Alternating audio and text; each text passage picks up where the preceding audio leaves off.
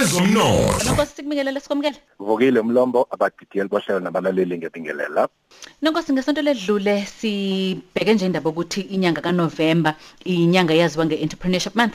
Kunjalo nengcebo besibuka inyanga kaNovember njengoba sazi ukuthi umhlaba wonke isuke yaziwa njengenyanga ekufanele ithuthukise eh, i-entrepreneurship ukuze kwakheke amathuba emisebenzi futhi sabheka ukuthi i-entrepreneurship le esithu- esiyithuthukisayo manje nesikhuluma ngayo isisesigabeni esihlukile kune-entrepreneurship mhlambe yakudala ngoba sekukhona i- into efana no-fourth industrial revolution. So yonke into efanele yenziwe ngoba entrepreneurship kufanele ithi ithathe eh, ibe- ibheke ukuthi sekuhlukile kakhulu ukwe- ukusetshenzwa kwezamabhizinisi ngoba eh, isikhathi esishintshile noguquko oluhlala lwenzeka njalo emhlabeni. Sabuka futhi ukuthi bangakanani abantu ababizwa ama-entrepreneurs umhlaba wonke jikelele okuthi abantu ngempela abancane kakhulu cishe u-six percent ofanele bagovuze bakhe amathuba emisebenzi for abantu abawu-ninety-four percent. Nongcebo Nonkosi e- enye into esiyithintile ngesonto ledlule eh ile yezimbuzi sabuka ukuthi khona omabhega noma sausage ezimbuzi njalo njalo.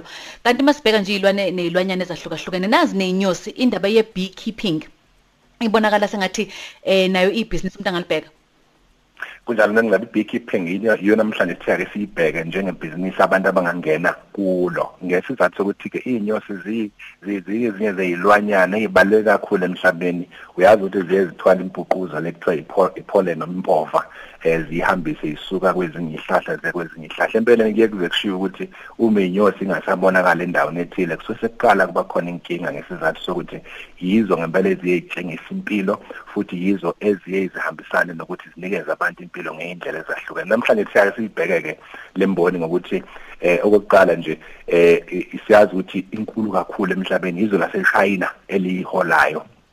Ngokuthi likhiqize kumazi kuthiwa awu top 10 ngokuthi likhiqize eh u- i- uju olulinganiselwa la ku 447000 metric tons eh kube lase Turkey lase Argentina lilodwa lase Africa elicishe libe u top 10 kwi Ethiopia ngo 50000 metric tons. So so ngicabanga ukuthi ithani into engakanani nojo likhiqizwayo so ke sithe sibheke ukuthi oqala nje kumele iningizimu Afrika noma aba- abantu abamnyama bangene kuleli business ngoba kuno kunokushoda kwabantu abazokwenza leli business kwazi senathi umkhiqizo we we we- wojulo esiwutholayo uvela ngaphandle ugcina eh, si- siwuthenga. Uzwile umongameli nje bade silokuqhubeka ohlelweni lenkulumo yakhe ukuthi impahla eziningi ezibona 1.1 trillion amarandi siyaziletha la eningizimu Afrika. Kubalwa nalo kuthi ukuthi alwenele la ngaphakathi olunye zulanda khona ngaphandle.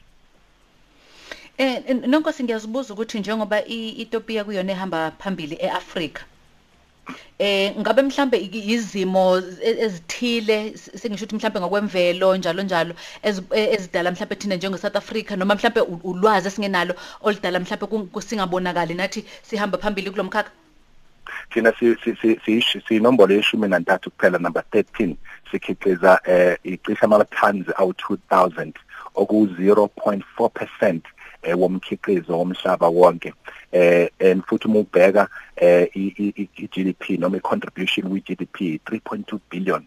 Eh ubuza umbuzo ukuthi ngabe kwenza ukuthi asikwazi ukwenza cha siyakwazi ukwenza eh ngcebo into ekhona ukuthi fanele si si- ingakho namhlanje siubheka lo mnotho ngoba sithi yenye yengxenye esingakwazi ukungena kona si- si- sikhuphule izinga lomkhiqizo. Uma ungabuka nje into evanga ukubulala inyosi kakhulu kuba eh umoya ongcolile eh ne- ne- ne- nentuthu. Kodwa ubuka izwe laseChina uyazi ukuthi umoya waye China kungcolile kakhulu endaweni zaseChina kodwa bayakwazi ukukhiqiza ngenxa yokuthi bathathe isikhathi babheke ukuthi yini enye ingxenye le abangayenza bakhiqize. Sina sino so sino sinomhlaba omuhle kabi sine sino sinomoya omuhle kabi. Siyakwazi ukuthi sikwazi ukukhiqiza kwande kakhulu. Manje singathatha nje sithi 10% wa 3.2 billion uye kubantu abamnyama bazokhiqiza uju. U320 million ra- rand lowo ngokweyinombolo esingakwazi ukuthi ukhiqiza sakhe umnotho wethu njengabantu abamnyama.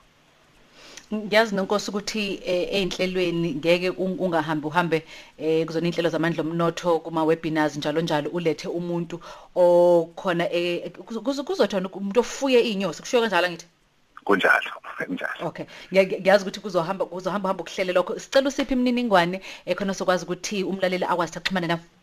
Kulento kaze kuthiwa sunshine msomi ilapha eThekwini fuye inyosi nabanye abaningi abafisa ukufuya inyosi bangasithinta ngoba sobe singene kulolo hlelo eh iwebsite yethu ithi amandla omnotho.co.za bese kuthi WhatsApp yethu ithi 0822 uzokhumbula ukuthi njengoba ukhuluma ngeimbuzi siyagcina ukubhalisa abantu beimbuzi eh bangaya futhi kuwebsite bayobheka zonke lezo ndlela esobe senza ngesonto siyaqhubeka nokuxoxisa abantu bakithi bangathinta futhi kuleyo WhatsApp ukuze bazi ukuthi kwenzakalani noncane